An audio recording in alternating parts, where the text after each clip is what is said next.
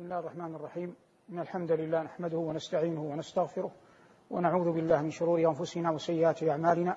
من يهده الله فلا مضل له ومن يضلل فلن تجد له وليا مرشدا. وأشهد أن لا إله إلا الله وحده لا شريك له. وأشهد أن سيدنا ونبينا محمدا عبده ورسوله. وبعد أيها المباركون في هذه اللقاءات المباركة نفسر القرآن العظيم. ونأخذ من كل جزء من أجزاء القرآن آيات نتأملها. نسأل الله أن يوفقنا وإياكم فيها لخالص العمل وصالحه. فنقول فاتحة الكتاب هي أم القرآن. وكلمة أم تطلق على الوالدة وعلى غير الوالدة إذا كان يراد بها الأصل. أما كلمة والدة فلا تطلق على إلا على من ولدت. والفاتحة أم القرآن وهي أعظم صورة فيه. كما ورد بهذا الخبر الصحيح عن رسولنا صلى الله عليه وسلم. قال أصدق القائلين الحمد لله رب العالمين. هذه اللام في لفظ الجلالة الحمد لله هي لام الاستحقاق. والألف واللام في كلمة الحمد هو الألف واللام للجنس المطلق أي أن الحمد المطلق كله لله. قال ربنا الحمد لله رب العالمين فنبأ جل وعلا عن ربوبيته ثم أضافها إلى قوله رب العالمين. ومما يشكل هنا بداهة أن العالمين جمع عالم لكنها جمع قلة ليست جمع كثرة. فقد يقول قائل الله هنا يتمجد ويحمد نفسه ويبين عظمته وقدرته. فلماذا جمعت العالمين جمع قلة ولم تجمع جمع كثرة؟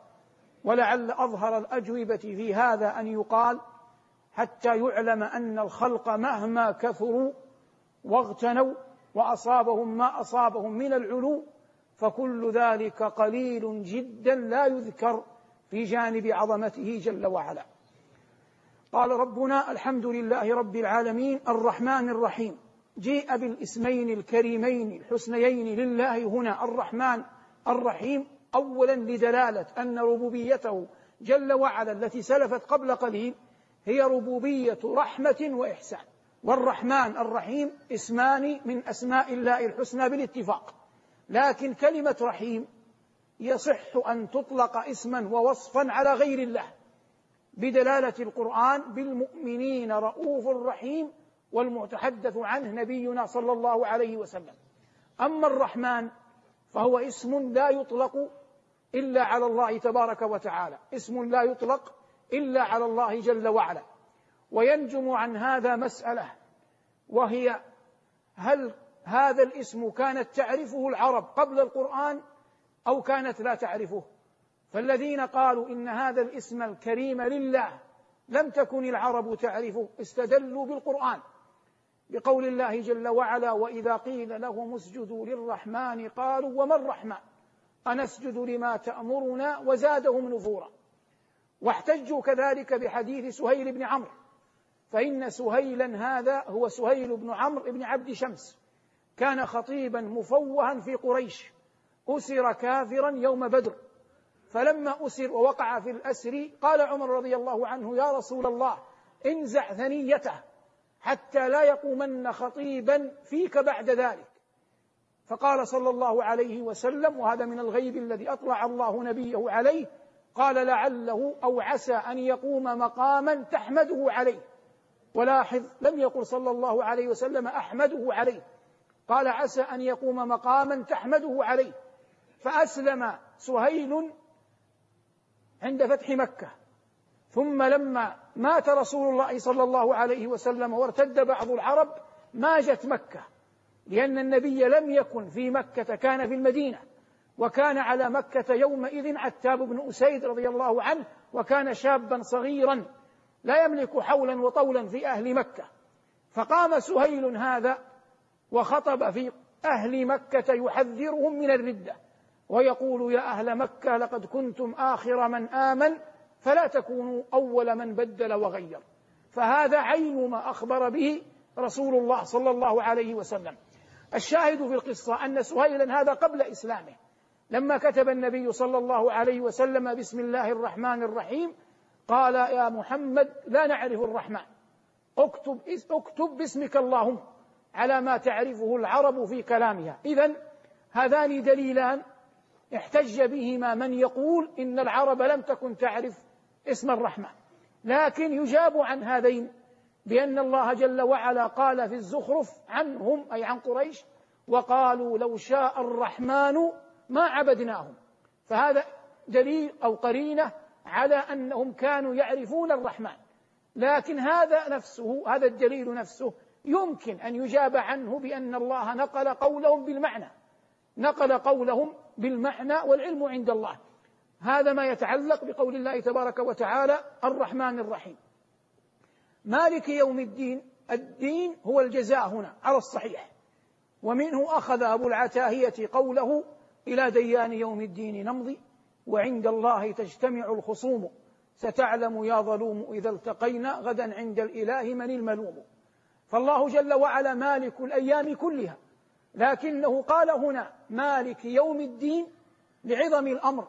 وهول الخطب وإلا فالملك والأمر لله في الدنيا والآخرة. قال الله تبارك وتعالى إياك نعبد وإياك نستعين. هذا فيه تقديم ظاهر. أصلها نعبدك ونستعينك. لكن التقديم هنا تقديم المفعول أفاد الحصر.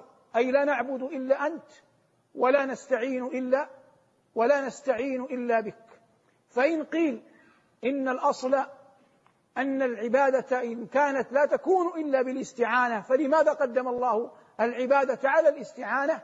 فيقال لأن الاستعانة أصلا نوع من نوع من العبادة لأن الاستعانة مندرجة هي نوع من العبادة. وفي هذا حقيقة إيمانية يجب أن يفقهها كل أحد. لن يهتدي أحد إلى الله إلا بالله.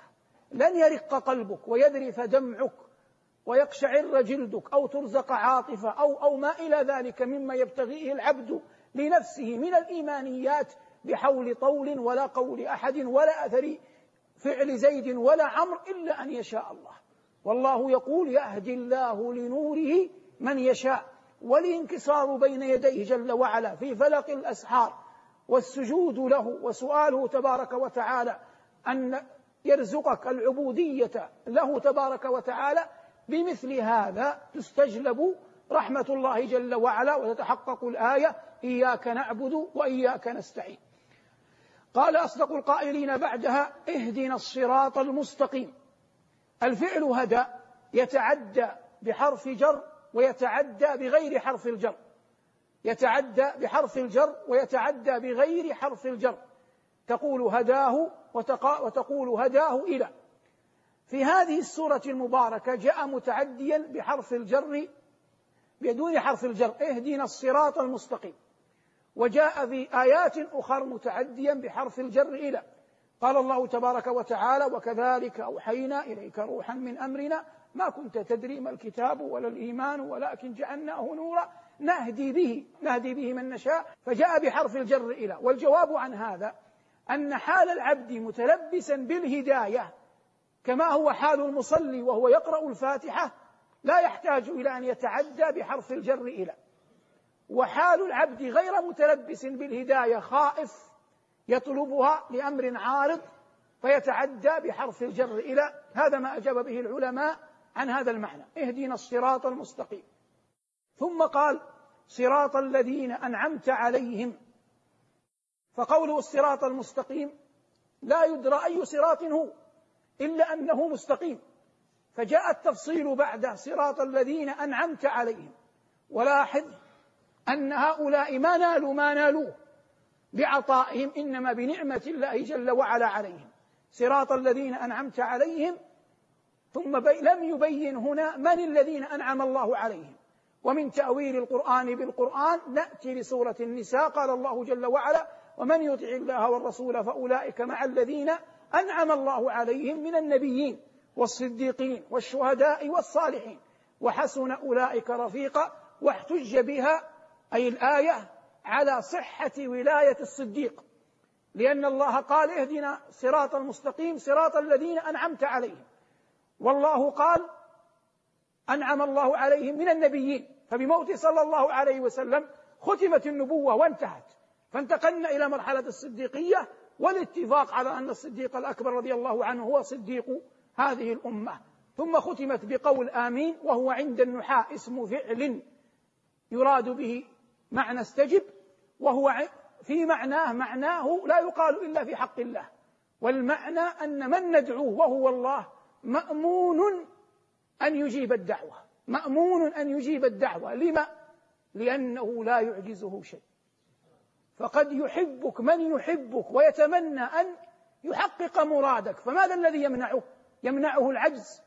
أما الله إذا أراد أن يحقق مقصودك فلا يمنعه شيء جعلني الله وإياكم من أهل طاعته والإيمان به. تعالوا ساعة نؤمن جميعا. مع القرآن.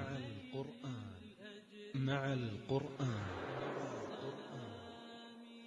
الوقفة الثانية أيها المؤمنون مع قول الله جل وعلا في سورة البقرة وهي سورة تسمى فسطاط القرآن لما حوته من عظائم الأمور.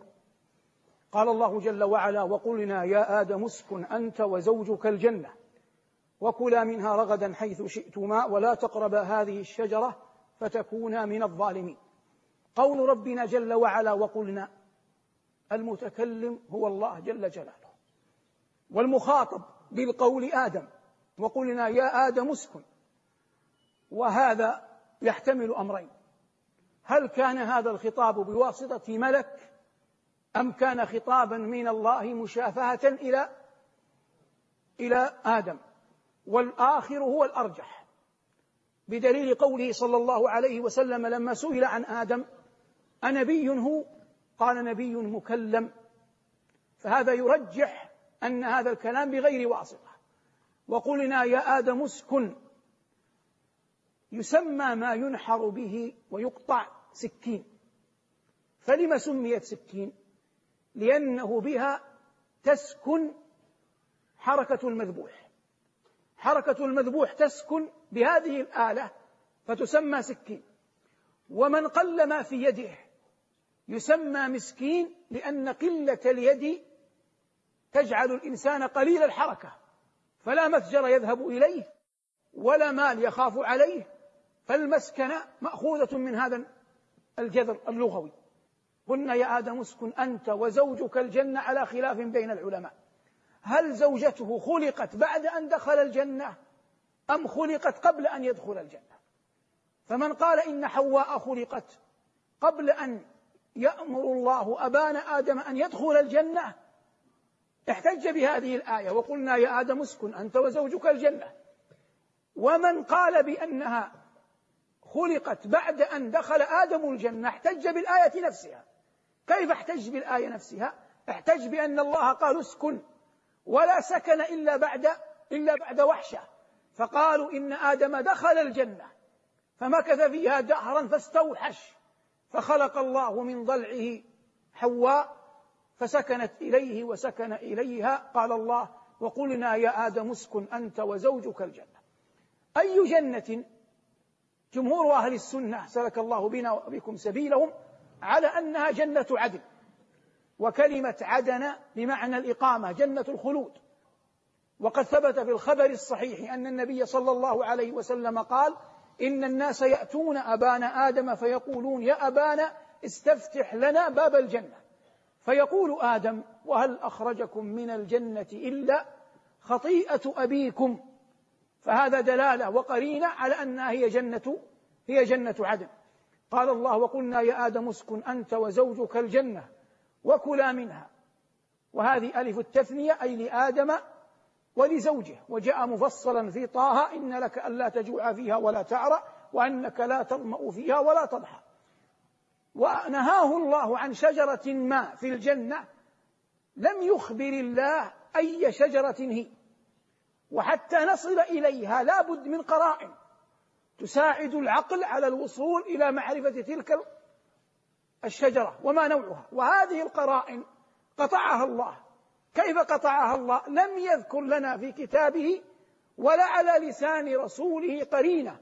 تدلنا أن نمتطيها حتى نصل إلى أن نعرف ما هي الشجرة. فلما قطعت الطرائق لا سبيل إلى الوصول إلى المقصود. فلما كان لا سبيل شرعي إلى الوصول إلى المقصود لا حاجة للناس أن يتكلفوا في أن يعرفوا أي شجرة هي. قال الله جل وعلا ولا تقرب هذه الشجرة فتكون من الظالمين. والظلم وضع الشيء في غير موضعه. قال ربنا فأزلهما الشيطان. قال بعض العلماء أزلهما بمعنى أزالهما أي نحاهما. وقال بعض العلماء إنه مأخوذ من الزلل الزلق. فأزلهما الشيطان والشيطان المراد به هنا إبليس. وقد مر في آية قبلها أن الله أمره أن يسجد لأبينا آدم فامتنع. على خلاف بين العلماء هل هو من الملائكة أو من الجن؟ وظاهر القرآن بل نقطع أنه من الجن. قال الله جل وعلا إلا إبليس كان من الجن. لكن قد يحتج عليك أحد أن الآية ليس فيها دليل. لأن الجن في اللغة تطلق على كل ما خفي واستتر. والملائكة ممن خفوا واستتروا. بدليل قول الله وجعلوا بينه وبين الجنة نسبا والمراد بالجنة هنا على أحد التفسيرين الملائكة. ولقد علمت الجنة أي الملائكة إنهم لمحضرون. الذي يعنينا قرينة أخرى أن الله قال والجان خلقناه من قبل من نار السموم. وإبليس احتج على الله بقوله أنا خير منه خلقتني من نار وخلقته من طين. فهذا الدليل على أنه ليس من الملائكة. لكن نعود هنا. شطن بمعنى بعد. شطن بمعنى بعد. قال عنترة أشطان بئر في لبان الأدهم. فأشطان البئر الحبال التي ترمى في البئر إذا بعدت. فمن هذا سمي الشيطان شيطانا. ويقال عن إبليس أنه رن أربع رنات. البشر إذا أصابهم حزن وأحدثوا صوت يسمى بالهمز أن فيقال أنين. أما الجان إذا أصابهم حزن وأصدروا صوتا يسمى رنين. ولهذا في الحديث رنين ماذا؟ رنين الجرس. لا تقربه الملائكة. فيقال إن إبليس رن أربع رنات. بمعنى أن أربع أنات. عندما لعن وعندما أهبط إلى الأرض وعندما ولد نبينا صلى الله عليه وسلم وعندما نزلت سورة الفاتحة. هذا قاله بعض علماء السلف في كتب التفسير. الذي يعنينا هنا الخبر صح أم لم يصح؟ أن الشيطان وسوس لهما. بقي الإشكال كيف دخل آدم كيف دخل إبليس الجنة؟ وهذا الوصول إلى غاية الأمر فيه قد يكون صعبا. لكن قيل إنها وسوسة من خارج الجنة. وقيل إنها مقاربة بدليل وقاسمهما. وقيل إنه دخل عن طريق الحية. وسيأتي تفصيل هذا. وقيل إنه دخل عن طريق الحية في خيشومها. وهذه أخبار منقولة عن مسلمة أهل الكتاب وعن غيرهم لا تقبل بالكلية ولا ترد بالكلية. قال الله جل وعلا فازلهما الشيطان فأخرجهما مما كانا فيه.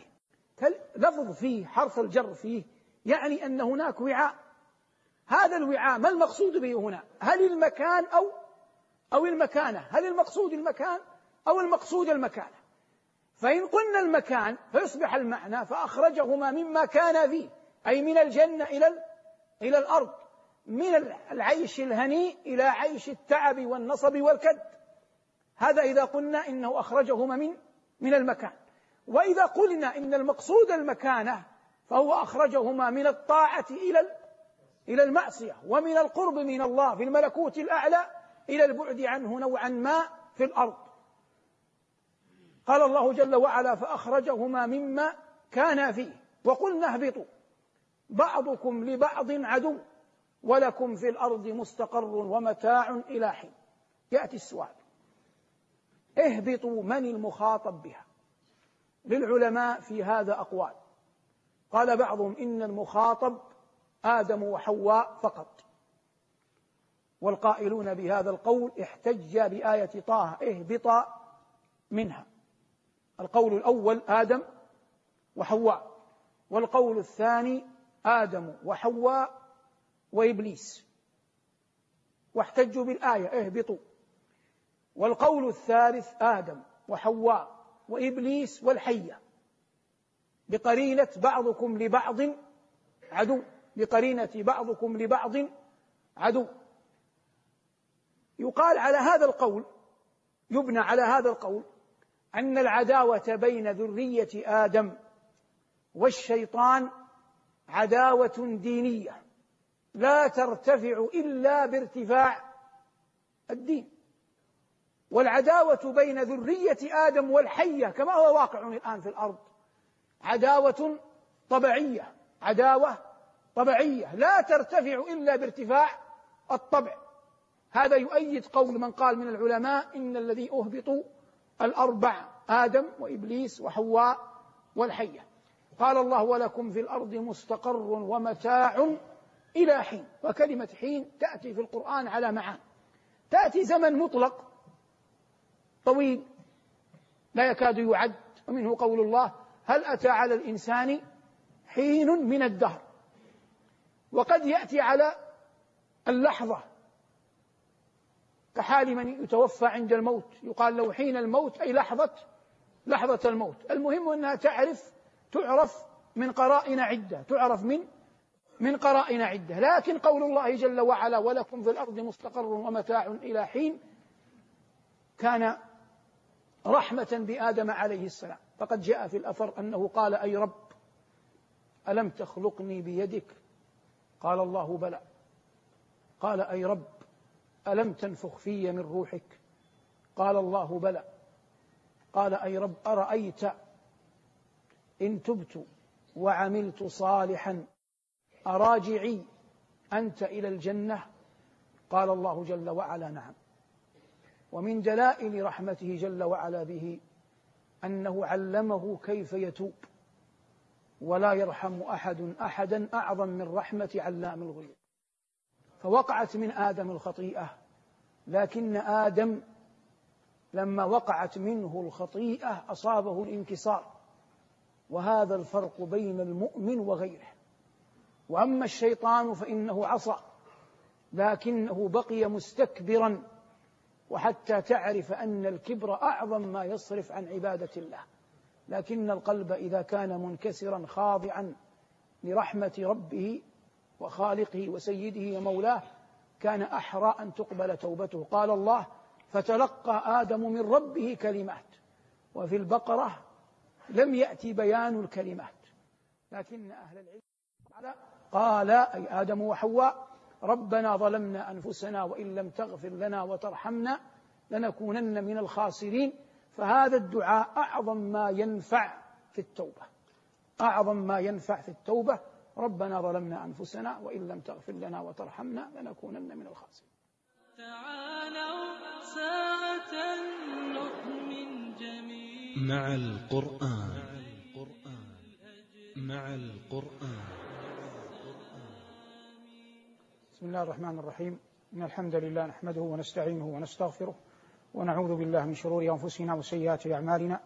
من يهده الله فلا مضل له ومن يضلل فلن تجد له وليا مرشدا. الوقفة الثالثة في الجزء الأول. قال الله جل وعلا يا بني إسرائيل اذكروا نعمتي التي أنعمت عليكم. الياء هنا أيها المبارك حرف نداء بالاتفاق. والمنادى بنو إسرائيل. وإسرائيل هو يعقوب. وأوفوا بعهدي أوفي بعهدكم. اختلف العلماء في المراد بالعهد هنا. لكن الأظهر أنه جميع الدين أوامر الله ونواهيه ومواثيقه كلها داخلة في العهد. وأوفوا بعهدي أوفي بعهدكم. وما عهد الله؟ عهد الله أن من أطاعه دخل الجنة. الآن ذكر الله جل وعلا يا بني إسرائيل اذكروا نعمتي التي أنعمت عليكم إجمالا.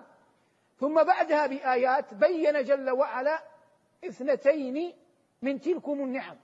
قال الله جل وعلا وإذ فرقنا بكم البحر فأنجيناكم وأغرقنا آل فرعون وأنتم تنظرون. الآن استصحب ذهنك. هناك بقاء ديني وهناك بقاء بدني. بقاء ديني وبقاء بدني. فقول الله جل وعلا إذ فرقنا بكم البحر فأنجيناكم وأغرقنا آل فرعون وأنتم تنظرون. هذه نعمة البقاء البدني. لأنه عندما نجيناكم نجت أبدانكم. قال بعدها بآية أو آيتين قال وإذ آتينا موسى الكتاب والفرقان لعلكم تهتدون فلما آتى الله جل وعلا موسى الكتاب والفرقان هذا بقاء ماذا؟ بقاء ديني لما بقاء ديني؟ لأنهم لو بقوا متمسكين بالتوراة حق التمسك لبقي لهم لبقي لهم دينهم فتمسك أي أمة بكتابها هو الذي يجعلها باقية لكنهم هم غيروا ما في التوراة وبدلوا وحرفوا. وإلا لو استقاموا على التوراة لدلتهم التوراة بصورة جلية على صحة نبوة محمد صلى الله عليه وسلم. لكنهم حرفوا التوراة. ولهذا قال الله جل وعلا الذين آتيناهم الكتاب يعرفونه كما يعرفون أبناءهم وإن فريقا منهم ليكتمون الحق وهم يعلمون. والمقصود أن الله جل وعلا أنعم عليهم بنعمتين نعمة بقاء بدني ونعمة بقاء ديني. من هنا يفقه المؤمن أن الأمة أي أمة إن جاء كتاب من السماء وتمسكت به حق لها أن تبقى دينيا. لكن الله جل وعلا جعل القرآن مهيمنا على الكتب كلها وجعله خاتم الكتب المنزلة. كما أن نبينا صلى الله عليه وسلم هو خاتم الرسل صلوات الله وسلامه عليه. فلا نبي بعد محمد صلوات الله وسلامه عليه ولا أمة بعد هذه الأمة ولا كتاب منزل بعد بعد القرآن ولا كتاب منزل بعد بعد القرآن. قال الله يا بني إسرائيل اذكروا نعمتي التي أنعمت عليكم وأوفوا بعهدي أوف بعهدكم وإياي فارهبون. الرهبة هي الخوف القريب من الخشية المتعلق به تعظيم الله. وهي الدين كله. ولهذا نعت الله بها الأصفياء. قال إنما يخشى الله من عباده العلماء. والخشية من الله تظهر حال القدرة. تظهر بحق حال القدرة. إما القدرة على الإفساد أو القدرة على نيل الشهوات. فنقصد بالإفساد الشيء المتعدي. أحد من الناس له زوجة منقطعة. لا عصبة لها يحمونها.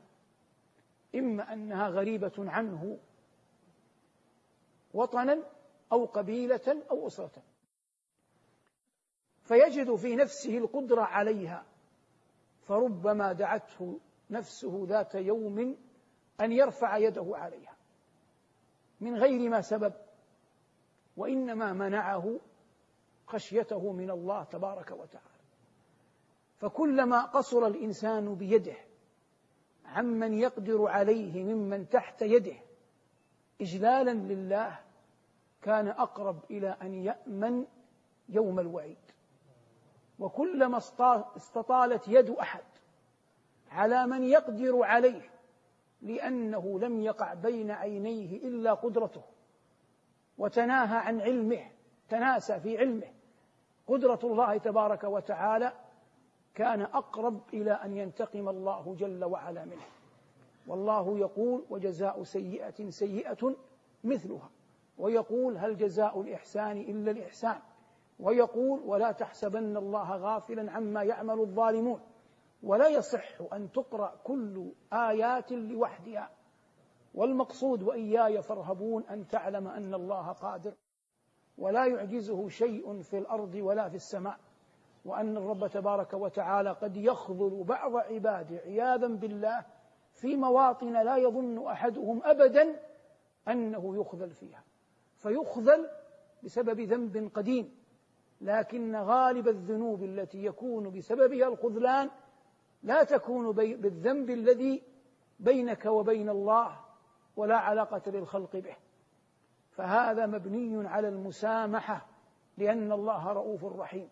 لكن تلكم الذنوب التي يكون فيها انتهاك عرض أو أخذ مال أو سفك دم هي التي بها يقع الخذلان من الله تبارك وتعالى للعبد. وهذه الآية وإياي فارهبون كما تظهر فيها تقديم وتأخير. أي كأن الله يقول لا ترهبوا أحدا لا ترهبوا أحدا غيري. وحتى يصل الإنسان إلى هذا المقام مقام الخشية. عليه أن يعرف الله جل وعلا حقا. وفي الخبر أن رجلا كان يحسن لبنيه. فلما حضرته الوفاة إلا أنه لا خير له. قال أي بني أي أب كنت لكم؟ قالوا خير أب لم يمنعهم شيء. قال فإذا مت فأحرقوني واجعلوا نصفي في البر ونصفي في البحر. فإن الله إذا قدر علي سيهلكني سيعذبني. فلما فعل بنوه ما وصى به قال الله للبر أخرج ما عندك وقال الله للبحر أخرج ما عندك فاستوى قائما بين يدي الله فقال له ربه ما حملك على ما صنعت؟ قال خشيتك يا رب. فلما قال خشيتك يا رب عفى الله جل وعلا عنه. فهو التمس طريقا بالخشية بالجهل. ولعله معذور بجهله. وأيا كان عذره فإن في مقام الخشية أعظم ما يصلك برب العالمين جل جلاله. بهذا نكون قد وقفنا على الجزء الأول من كلام الله تبارك وتعالى. نسأل الله أن يوفقنا وإياكم لما يحب ويرضى. صلى الله على محمد وآله والحمد لله رب العالمين. مع القرآن نحيا في سلام. فخير الوقت في خير الكلام بتفسير وأخبار حسان عن المختار نبراس الظلام مع القرآن إحساس تسامت به الأرواح في أعلى مقام